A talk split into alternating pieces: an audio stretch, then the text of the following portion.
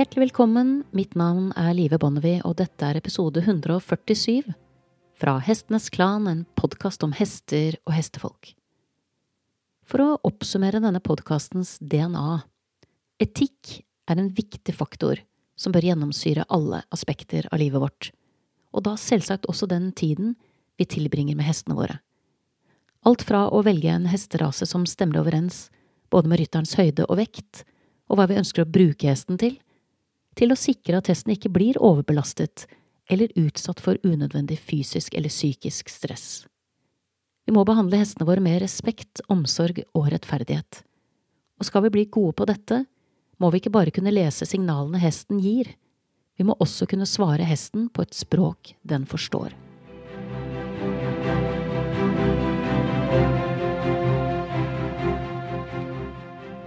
Hester har som oss mennesker individuelle behov og evner, så vi må alltid anstrenge oss for å ta høyde for dette.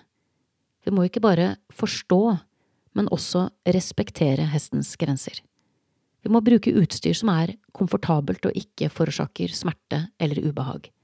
Hvis vi rir med sal, må den være godt tilpasset hesten. Og uansett om vi velger å ri bitt eller bittløst, skodd eller barfot, så må vi velge det som fungerer best for den individuelle hesten, så vi på den måten kan sikre den trivsel og velvære også under rytter. I tillegg er det viktig å ha en god forståelse for hestens naturlige atferd og behov. Hester er flokkdyr og trives best når de har tilgang til sosial interaksjon og beiteområder. Å gi hesten tilstrekkelig tid til å bevege seg fritt, gode liggeplasser, tilgang til friskt vann og næringsrik mat er viktige aspekter for å sikre god etikk i hesteholdet. En annen viktig etisk overveielse er valg av treningsmetode. Positive og belønningsbaserte treningsmetoder er ikke lenger noe tantene i heste- og hundesporten driver med for seg selv. Det er vitenskapelig bevist at det er den optimale måten å trene dyr på, både når det gjelder etikk og faktisk innlæring. Det krever høyere kompetanse enn bruk av straff, frykt og vold men så skaper det til gjengjeld trygge, harmoniske hester og et hestehold med en helt annen etikk. Det er også viktig at vi som ryttere har et svært bevisst forhold til vår egen atferd og våre egne holdninger.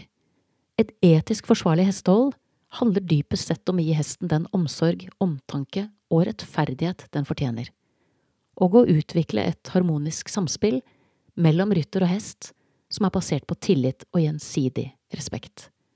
Men hvor og når legges det etiske grunnlaget vi alle navigerer ut fra? Jeg vil påstå at det er særlig to yrkesgrupper som påvirker fremtidens hestehold mer enn noe annet. Ridelæreren og veterinæren. Ridelæreren fordi han eller hun på mange måter setter standarden for elevenes fremtidige hestehold, både når det gjelder oppstalling, håndtering og ridning. Veterinæren fordi han eller hun møter hesten vår ute i felten og spiller en viktig nøkkelrolle når vi tar stilling til hva som er etisk forsvarlig, og hva som ikke er det. I et forsøk på å dykke litt dypere ned i materien, så har jeg kontaktet to av institusjonene som rigger disse to yrkesgruppene for et liv ute i felt, nemlig Veterinærhøgskolen NMBU og Norsk Hestesenter på Starum. Dette er to episoder som jeg har jobbet med over lang tid, og startskuddet gikk på mange måter for et halvt år siden, da jeg deltok på den store rideskolekonferansen Norges Rytterforbund, Norsk Hestesenter og Bransjeforeningen for rideskoler inviterte til. Dit kom det representanter for rideskoler fra hele landet, og postene på programmet var blant annet hvordan holde rideskolehesten frisk, der man så nærmere på skoingsstrategier, vanlige helseutfordringer, samt gode øvelser for å øke rideskolehestenes holdbarhet. Man så også på hvordan hestehverdagen blir skildret på sosiale medier, på godt og vondt. Det var paneldebatt, og ikke minst ble det gjennomført en faktisk ridetime med flere elever på banen, der man brøt ned økten til en case og kunne diskutere planlegging, nivå og ikke minst praktisk gjennomføring, noe som åpner for helt andre samtaler enn det man kan ha hvis man sitter på hver sin tue og holder på med sitt. Utrolig godt og oppmuntrende å se det store arbeidet som har blitt lagt ned på dette feltet.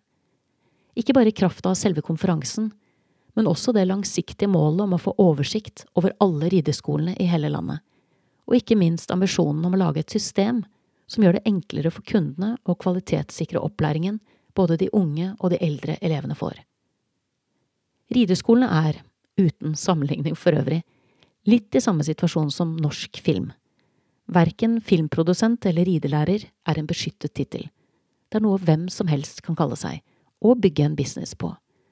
Og det er en blanding av å være en veldig god deal og en veldig uheldig deal, alt ettersom hvor kompetent vedkommende er. For fra utsiden så skiller verken kunder eller publikummere mellom ulike norske filmer eller ulike norske rideskoler. En film er en film, og en rideskole er en rideskole. Alt puttes i den samme sekken. Så en elendig norsk film som aldri burde vært vist på kino, og en tilsvarende rideskole som aldri burde vært i drift, vil med andre ord farge av på resten av bransjen, og svekke både den norske rideskolen og den norske filmens renommé. En profesjonalisering er dermed et svært viktig steg på veien mot en renere dialog ut mot kunder og publikum. De skal allerede før de går inn i stallen, eller inn i kinosalen, kunne vite sikkert at det de skal bruke den neste timen på, er kvalitetssikret av noen som kan et fag. Dette er krevende materie å dykke ned i. Etikk er dypest sett læren om moral, og moral er summen av normene, verdiene holdningene som avgjør hva som er rett og galt, eller godt og dårlig. Og for å gjøre det enda mer komplisert, så er både etikk og kunst størrelser der tolkningen ikke alltid er gitt, for opplevelsen er subjektiv. Og akkurat som hos oss mennesker så er det store individuelle forskjeller med tanke på hvordan hestene våre takler stress, smerte, frykt og isolasjon, for å nevne fire faktorer som helt garantert spiller inn. Så det samme hesteholdet kan fungere både godt og dårlig. Jeg har møtt hester i rideskoler som har likt jobben sin, forstått jobben sin og taklet jobben sin, og det diametralt motsatte. Hester som ikke liker, forstår eller takler jobben som rideskolehest. Akkurat som jeg har møtt både gode og dårlige veterinærer.